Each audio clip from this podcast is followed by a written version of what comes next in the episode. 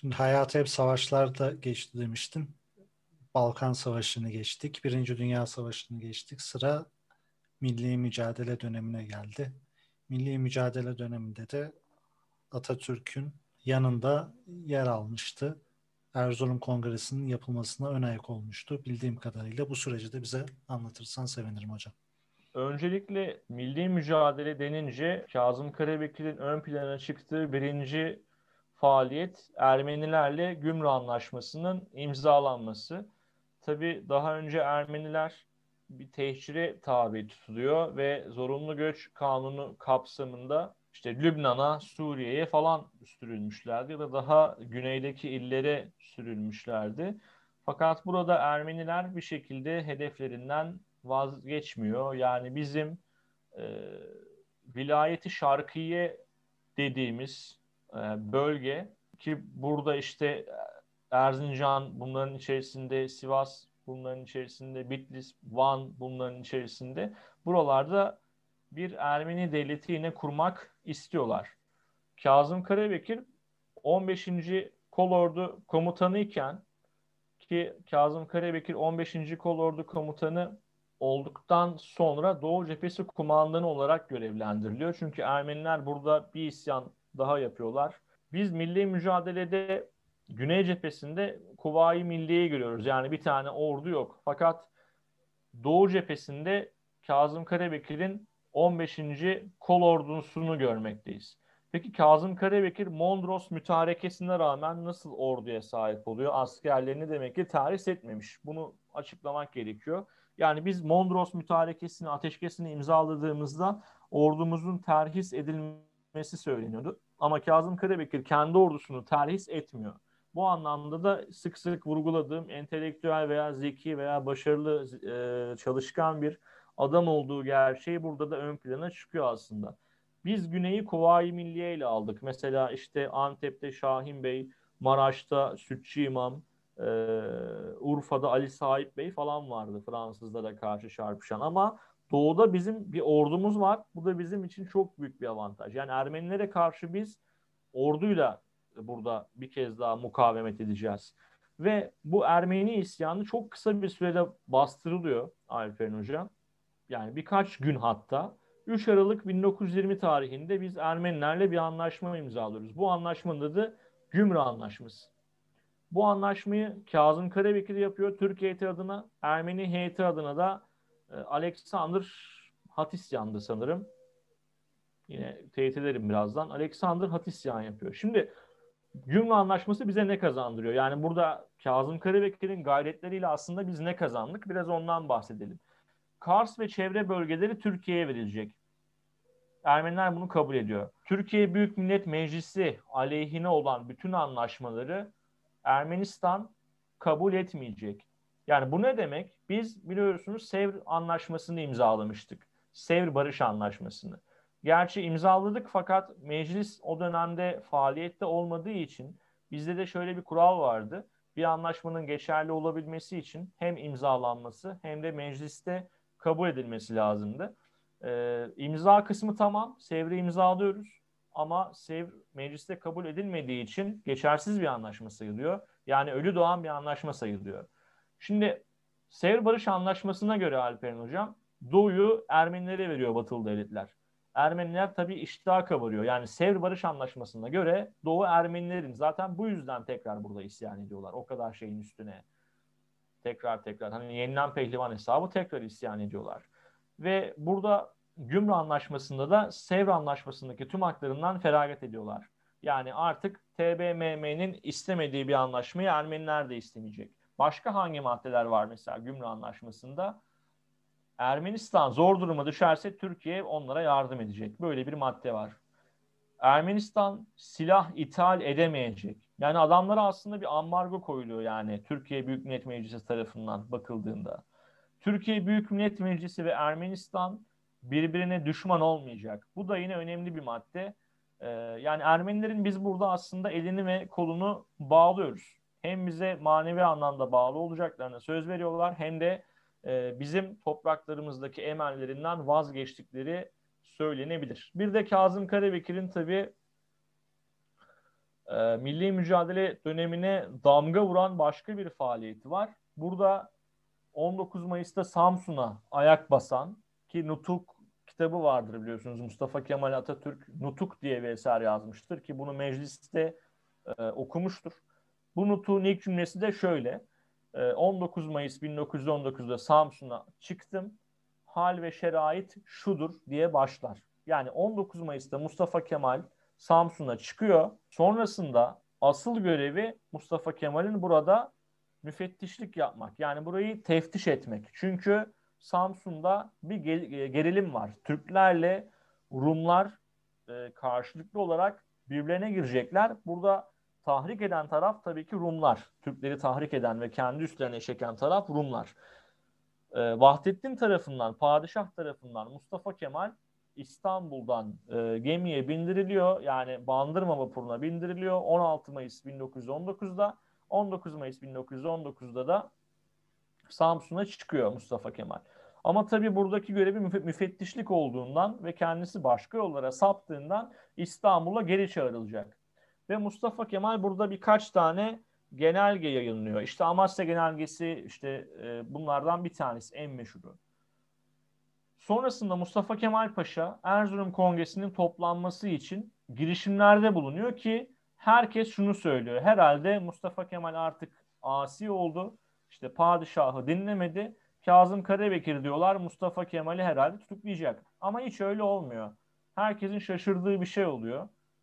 Ee, Kazım Karabekir Paşa Mustafa Kemal Paşa'ya emrinizdeyim paşam diyor. Yani İstanbul'un çıkartmış olduğu Mustafa Kemal hakkında Mustafa Kemal Paşa hakkında çıkartmış olduğu yakalama ve tutuklama emrine uymayıp Kazım Karabekir Paşa Mustafa Kemal Paşa'yı kolluyor ve emrinizdeyim paşam diyor.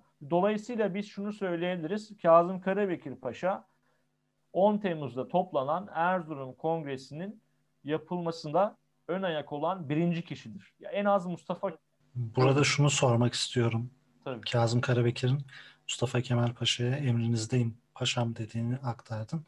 O dönemde Mustafa Kemal Paşa rütbe olarak Kazım Karabekir'den üstte miydi, ast, astı mıydı? Şöyle görev olarak Kazım Karabekir Paşa daha üstte ama saygıdan dolayı e, emrinizdeyim paşam diyor.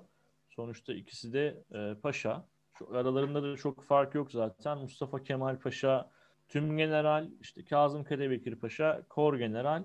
Aralarında bir rütbe fark var ve görev olarak bir farklılıkları var. Hani bir orduya sonuçta kumanda ediyor burada Kazım Karabekir. Mustafa Kemal Paşa ise 9. Ordu müfettişi olarak geliyor Samsun'a.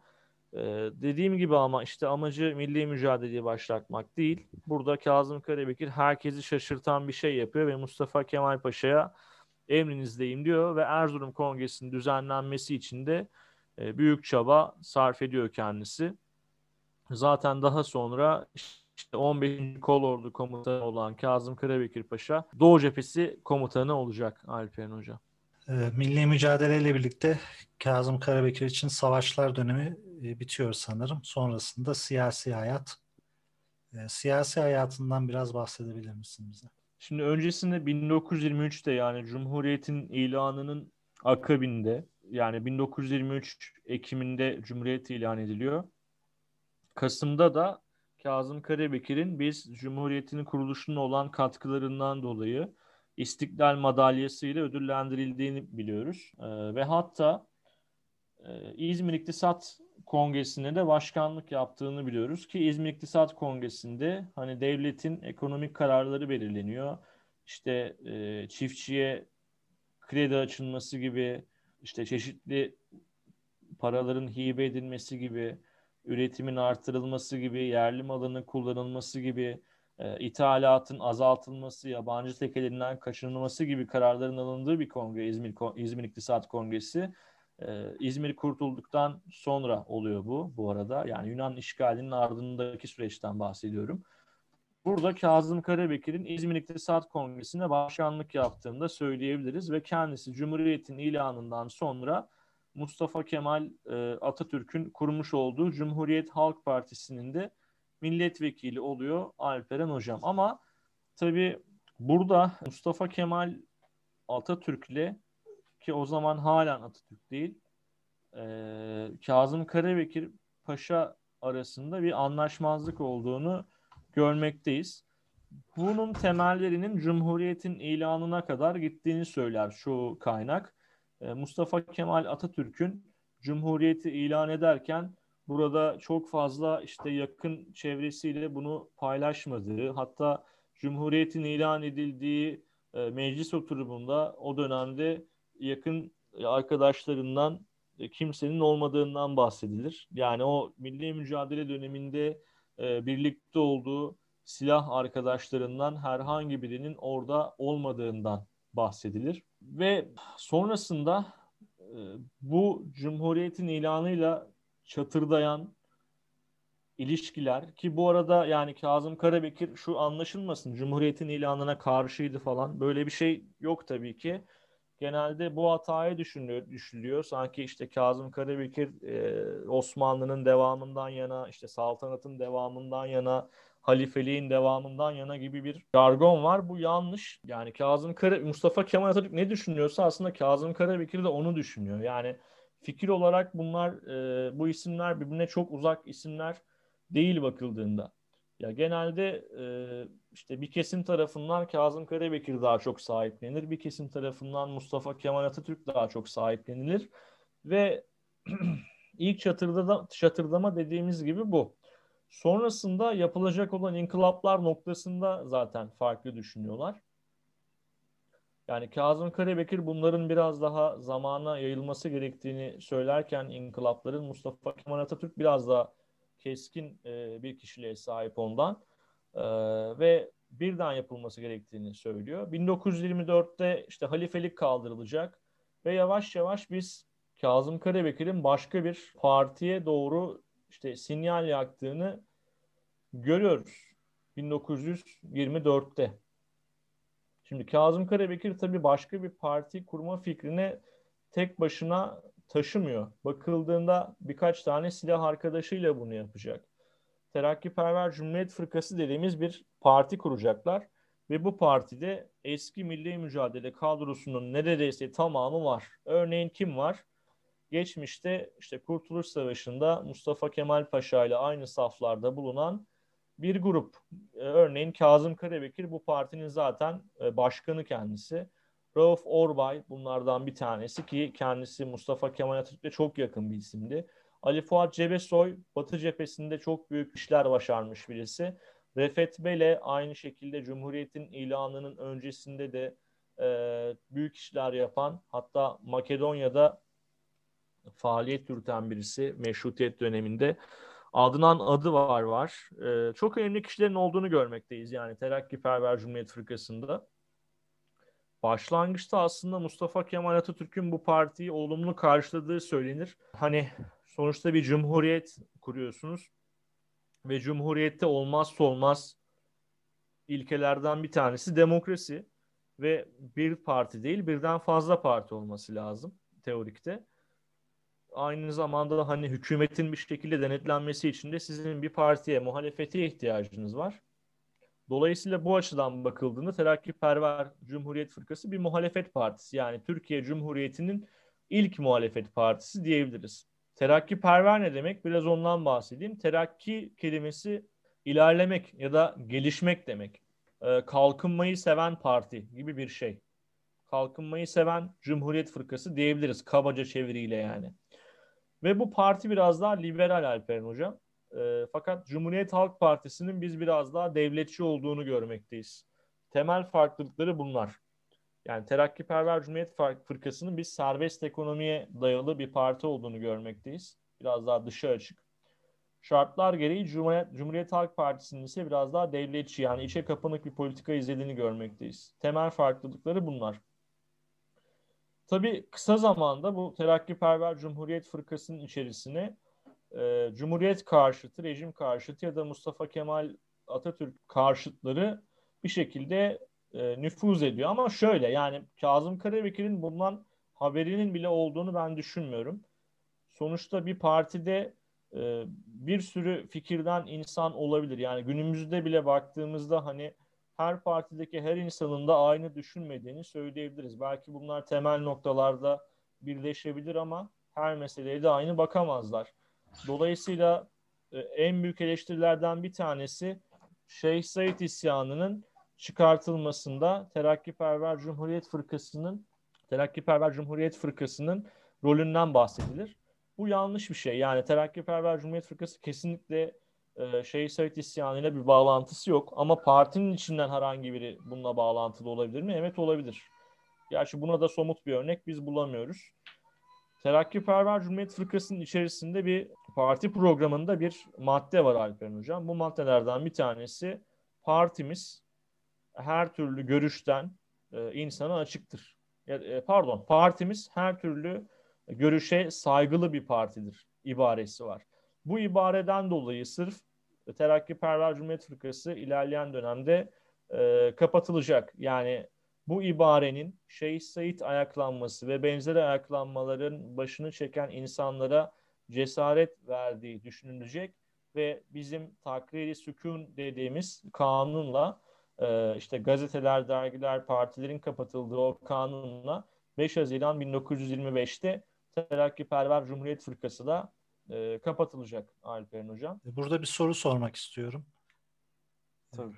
Terakkiperver Fırkası'nın o zaman halktan e, ziyadesiyle teveccüh gördüğü söyleniyor. E, bu konu hakkında bir bilgin var mı hocam? Yani asıl kapatılma nedeninin bu olduğu söyleniyor. Ne derece doğru bilmiyorum. Ya bu tabii yani dediğim gibi burada zaten Şeyh Said isyanından dolayı kapatıldı ama o isyana yönelik somut bir şey yok. Ama halkın bu partiyi çok sevdiği dolayısıyla CHP'nin iktidarı kaptıracağı için bunu kapattığını söylemek de açıkçası e, biraz tahmine dayalı olur.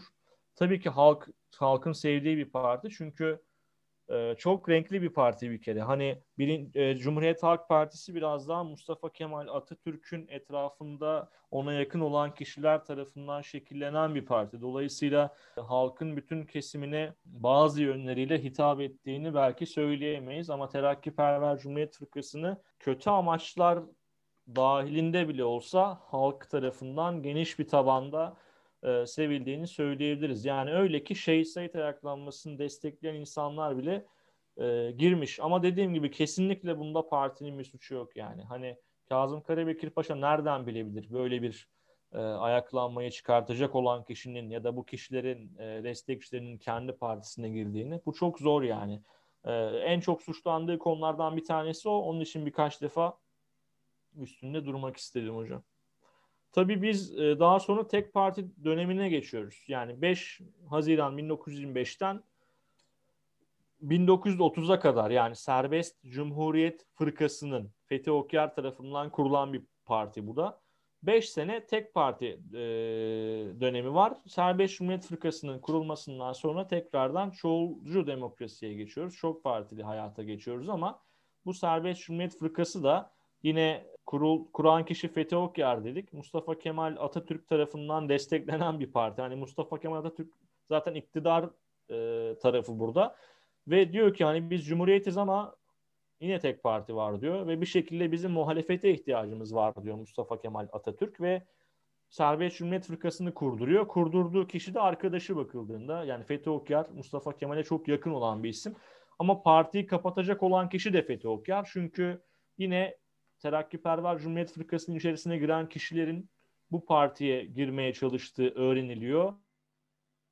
Hatta Fethi Okyar'a baskı yapılıyor. Bak işte partine böyle böyle kişiler giriyor. E, dikkat et falan diye. Ve o da partiyi bir şekilde kapatıyor. Biz 1950'ye kadar da tek parti rejimi olarak e, devam ediyoruz. Şimdi burada Terakkiperver Fırkası'ndan bahsettik. Kazım Karabekir'in bundan sonraki siyasi hayatı nasıl oldu? Benim bildiğim İstiklal Mahkemesi'nde yargılanmaya kadar giden bir süreç var. Sen daha detaylı anlatırsın hocam. Buyurun. Şimdi şöyle bir suikast hadisesi var Alperen Hocam. Biz işte bunu tarihe, e, tarihte İzmir suikasti olarak biliyoruz. Şimdi İzmir suikasti Mustafa Kemal Atatürk'e yapılan, e, daha doğrusu yapılmaya çalışılan e, suikast girişimlerinden bir tanesi. bu plana biz baktığımızda işte bu Şeyh Said ayaklanmasının bastırılmasından sonra ve Terakkiperver Cumhuriyet Fırkası'nın kapatılmasından sonra e, rejim karşıtlarının Mustafa Kemal Atatürk'e düzenlediği, daha doğrusu düzenlemeye çalıştığı bir suikast olarak geçer. Suikast planı şu şekilde. Mustafa Kemal Paşa İzmir'e bir gezi yapacak.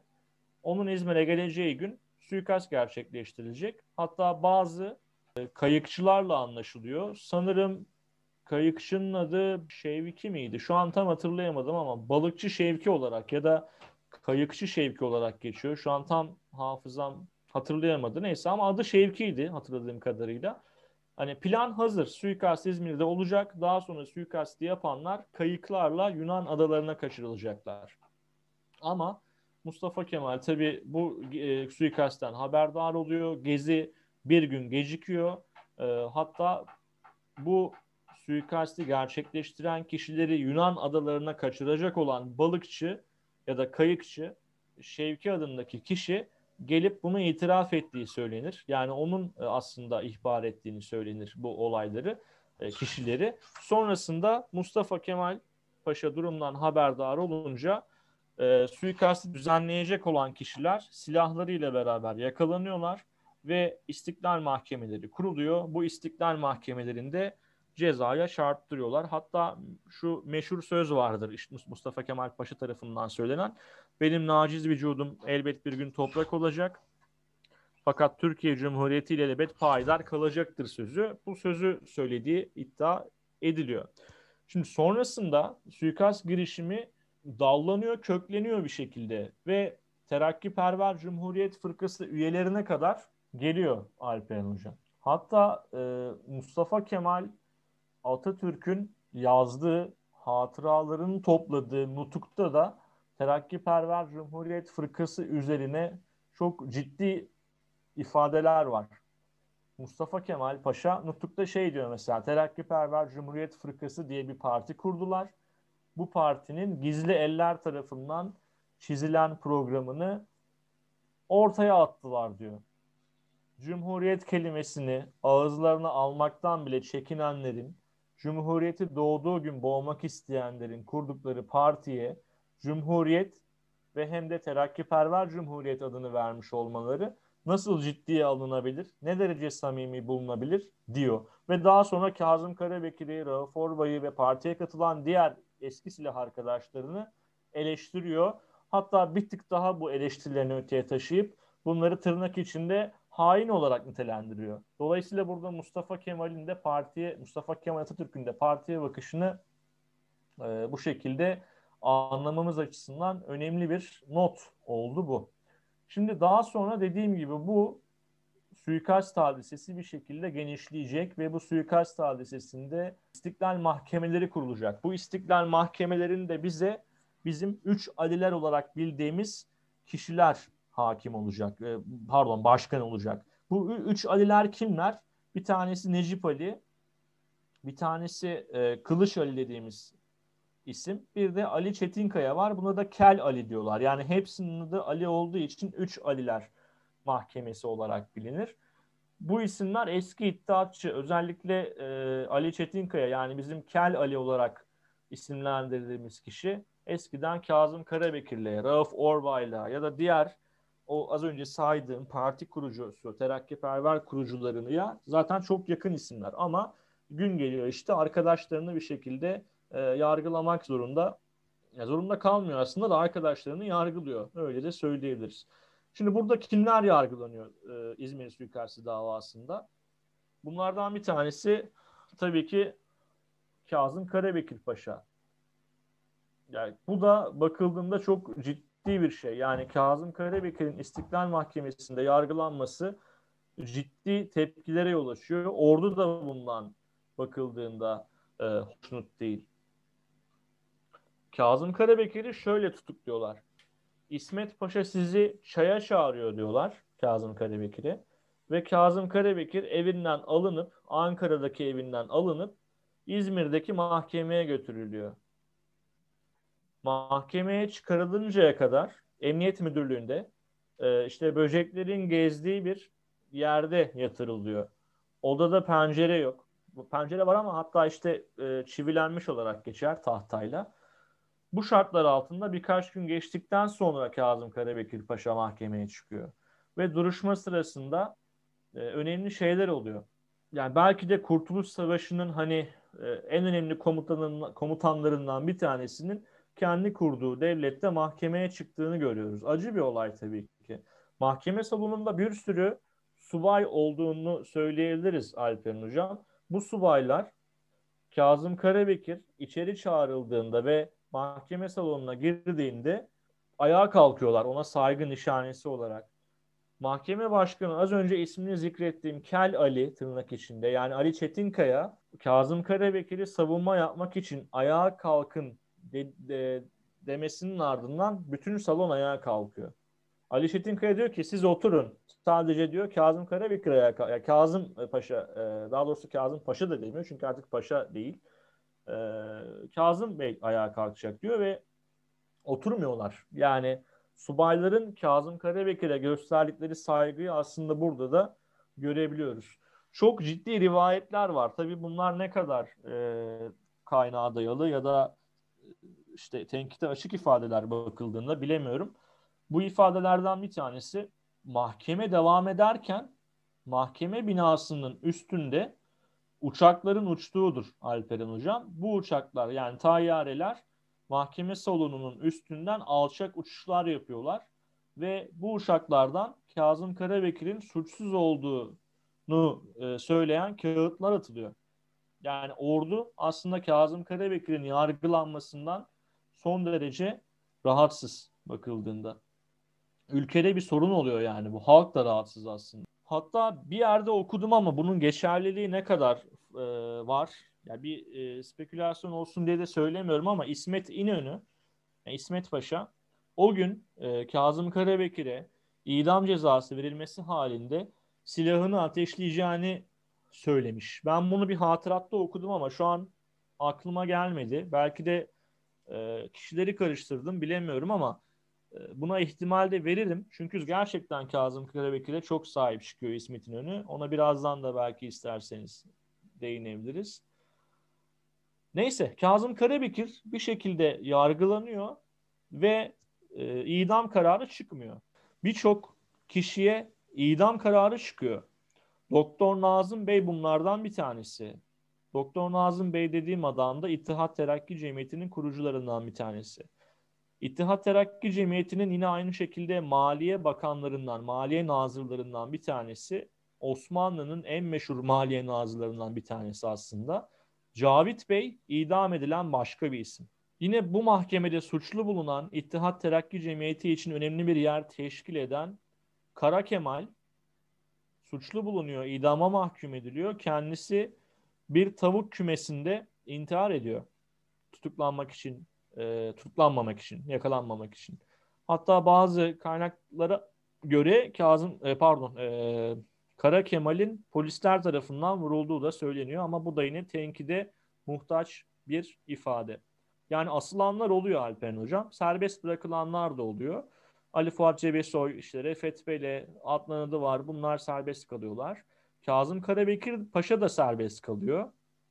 Ama Kazım Karabekir Paşa serbest kalsa da kendisi göz hapsine alınıyor ve yaptığı bütün faaliyetler aslında devlet tarafından takip ediliyor. Bunu da söyleyebiliriz. Peki bu göz hapsi ne zaman sona eriyor?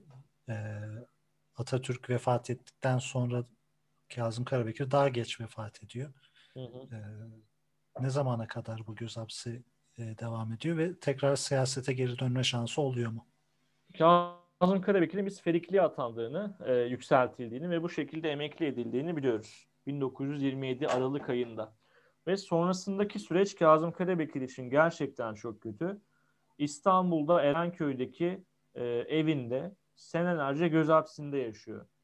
Ki Erenköy'deki evi diyorum ama kendisi gerçekten burada büyük sıkıntılar çekiyor. Yani bu evin e, camlarının bile olmadığı söylenir. Kazım Karabekir parasız bir şekilde aslında burada e, yaşıyor. Hatta burada bazı yazdığı şiirler var Kazım Karabekir'in. İki Damla Gözyaşı diye bir şiir yazıyor bu kaldığı Erenköy'deki evinde Kazım Karabekir. Burada tabii sürekli izleniyor yani Kazım Karabekir. Sıkı bir denetim altında. Bugün bu arada bu bahsettiğim Erenköy'deki evi Kazım Karabekir Vakfı'nın yanılmıyorsam ve burada bir müze şeklinde burayı teşkil ettiler. Tekrardan onardılar ve açtılar. Kazım Karabekir Müzesi diye herhalde geçiyor şu an burası. Burası normalde içi böyle yıkık dökük bir yermiş. Marif Nazırı varmış. Abdülhamit döneminden kalan, ikinci Abdülhamit döneminden eğitim nazırı Antepli Münif Paşa varmış ve e, bu, bu tarafından, onun tarafından satılığa çıkartılmış. Kazım Karabekir tabii burayı alıyor ama aldığında burası harap ve yıkık bir bina. Sonrasında e, 1930'da Kanlıca'dan buraya taşınıyorlar. Yani 27'den 30'a kadar Kanlıca, 30'da 30'dan sonra da işte kendi evleri oluyor. Yani kiradan kurtulup kendi evlerine geçiyorlar ama hani ev demeye dediğim gibi bin şahit lazım yani. Kazım Karabekir buradaki Erenköy'deki köşke, bu yıkık dökük köşke, camları bile olmayan köşke eşini ve kızlarını getiriyor. E, hatta duvarlarında Türk bayrağının nasıl olduğu fotoğraflar vardır o döneme dair. E, bazı odalar Alperen Hocam çok acı tabii bu anlattıklarım. Camı olmadığı için battaniyelerle, yorganlarla çivileniyor. Evin camı yok yani Alperen Hocam. Hani bir dönemin İstiklal mücadelesinin kahraman, Birinci Cihan Harbi'nde birçok kahramanlıkları var. Ee, ülkenin kurucularından bir tanesi ama camsız bir evde oturuyor. Çünkü cam taktırmaya parası yok Kazım Karabekir'in. Kazım Karabekir burada bazı dergileri takip ediyor. İşte Almanca, Fransızca dergiler. E, marangozluk işleriyle ilgileniyor. İşte okuyup yazıyor bir şekilde. Hani o birikimini devam ettirmek istiyor. Ama sürekli dediğim gibi evi sivil polisler tarafından izleniyor. E, bir misafir gelse mesela bu misafiri bir şekilde denetleniyor. Ki İsmet İnönü de kendi e, anılarında bunlardan bahseder. Kazım Karabekir 1930 yılında Hür Adam diye bir gazete var. Hür Adam gazetesinde Hür Adam imzasını kullanıp İsmet Paşa hükümetine bazı yazılar yazıyor. E, tabii biraz da Mustafa Kemal Atatürk'ü eleştiren yazılar bunlar. Tabii bu yazılar bir şekilde hani sansüre düşüyor veya çok önemsenmiyor bakıldığında. Bu acı günlerde Kazım Karabekir'in kaleme aldığı bir şiir var. Tam ondan bahsedecektim. Unut, unutmadan bahsedeyim. İki damla gözyaşı onun kaleme aldığı şiir. Şöyle başlıyor Alpen Hocam. 70 lirayla müte, mütekait bir adam. Ee, ikiz kızım da doğdu olduk tamam. Çünkü herkes kaçıyor benden ve ben de sabahları erken. Yavruların hazırlıyorum sütlerini. Kaçıp gitti evdekiler. Parasız kim kimi bekler. Tam bu sırada hastalık saldırdı bize. İki yavrumla anneleri diz dize sancılar içinde kıvranıyorlardı. Hayatın kalmamıştı artık tadı. Kalmamıştı elimde hiç satacak. Ya bu hastalara kim bakacak? Yani böyle uzayıp gidiyor. Biraz kafiye de yapmış. Çok acıklı yani. Aslında kendi hayat öyküsünü çok güzel yansıtan bir e, yazı yazmış Kazım Karabekir bakıldığında kendisine İsmet İnönü tarafından Mustafa Kemal Atatürk'ün vefatının ardından tabii ki bir iade itibar yapılıyor ve siyasete geri dönüyor. 1946'da e, meclis başkanı seçildiğini biliyoruz. Yani tekrardan aslında kendisi meclis başkanı olarak aslında biraz da gururu okşanmaya çalışılıyor ama ne kadar yararlı olmuştur tabii tartışılır. 1948'de de kendisi bir kalp krizi neticesinde e, sanırım 65-66 yaşlarında olması lazım. Kalp krizi sebebiyle vefat ediyor Alperen Hocam. Hayatının son dönemi gerçekten üzücü, buruk geçiyor bakıldığında. Tabii şu kısma kadar hep siyasi yönünü e, ve askeri yönünü konuştuk ama bir de Kazım Karabekir'in insani yönü var. E, ona da değinmeden geçmeyelim istiyorum. Kazım Karabekir için yetim babası deniliyor bildiğim kadarıyla. Bunu biraz açar mısın hocam? Şimdi Kazım Karabekir'e neden yetim babası deniliyor? Şu sebepten dolayı Alperen hocam. Kendisi e, işte bu doğuda olan olaylardan sonra hatta bir tek doğuda değil Anadolu'da da vefat eden, işte şehit olan bir sürü insandan arda kalan çocuklar var. Hatta Ermeni ailelerinin çocukları da var. İşte çatışmalarda ölen e, Ermeni ailelerin ya da Ermeni çetecilerin çocukları var. Kazım Karabekir Paşa e, burada hem Müslüman çocuklarına hem de Ermeni çocuklarına hem yani Müslüman olmayanlara din ve ırk farkı gözetmeksizin yardım ediyor. Hatta Kazım Karabekir onlar için işte mektepler açıyor. İttihat ve Terakki Cemiyeti adı altında bazı e, hani çocuklar sanki bir askermiş gibi onların bedensel ve zihinsel gelişimleri noktasında onları eğiten mektepler açıyor. Hatta bunları bölük bölük ayırıyor, mektep mektep ayırıyor. Sonra bu Ermeni çocuklardan bir tanesinin mesela mektup hadisesi var. Kendisi e, Kazım Karabekir'e Ermenice bir mektup yazıyor. Bu mektupta ağzımıza lokum verdin, elimize oyuncak, bizi müzikle, oyunlarla oyaladın ve hepimize kirve oldun. O evlatlarına e, çok şefkatlidir falan gibi ifadeler aslında kullanıyor mektuplarda. Yani çünkü bu Kazım Karabekir gerçekten çocuklara sahip çıkmış, onlara üst baş almış, onlara hatta bir meslek lisesi tarzında bir eğitime tabi tutulmuş bu çocuklar. Ee, çocuklar meslek edinmişler. İşte halı dokuyan çocuklar var mesela. Halı dokuduktan sonra halının üstüne Paşa babamız Kazım Karabekir yazıyorlar. Ya da Paşa babamız yazıyorlar. Onun dışında Kazım Karabekir bu çocukların düğünlerini bile yapıyor bazılarınınkini. Hani yaşları e, ileride olanların ya da birkaç sene sonra bu mektepten mezun olan çocuklarının düğünlerini yapıyor. Ve dediğim gibi ortada kalan Ermeni çocuklarına da gerçek bir babalık ediyor aslında kendisi.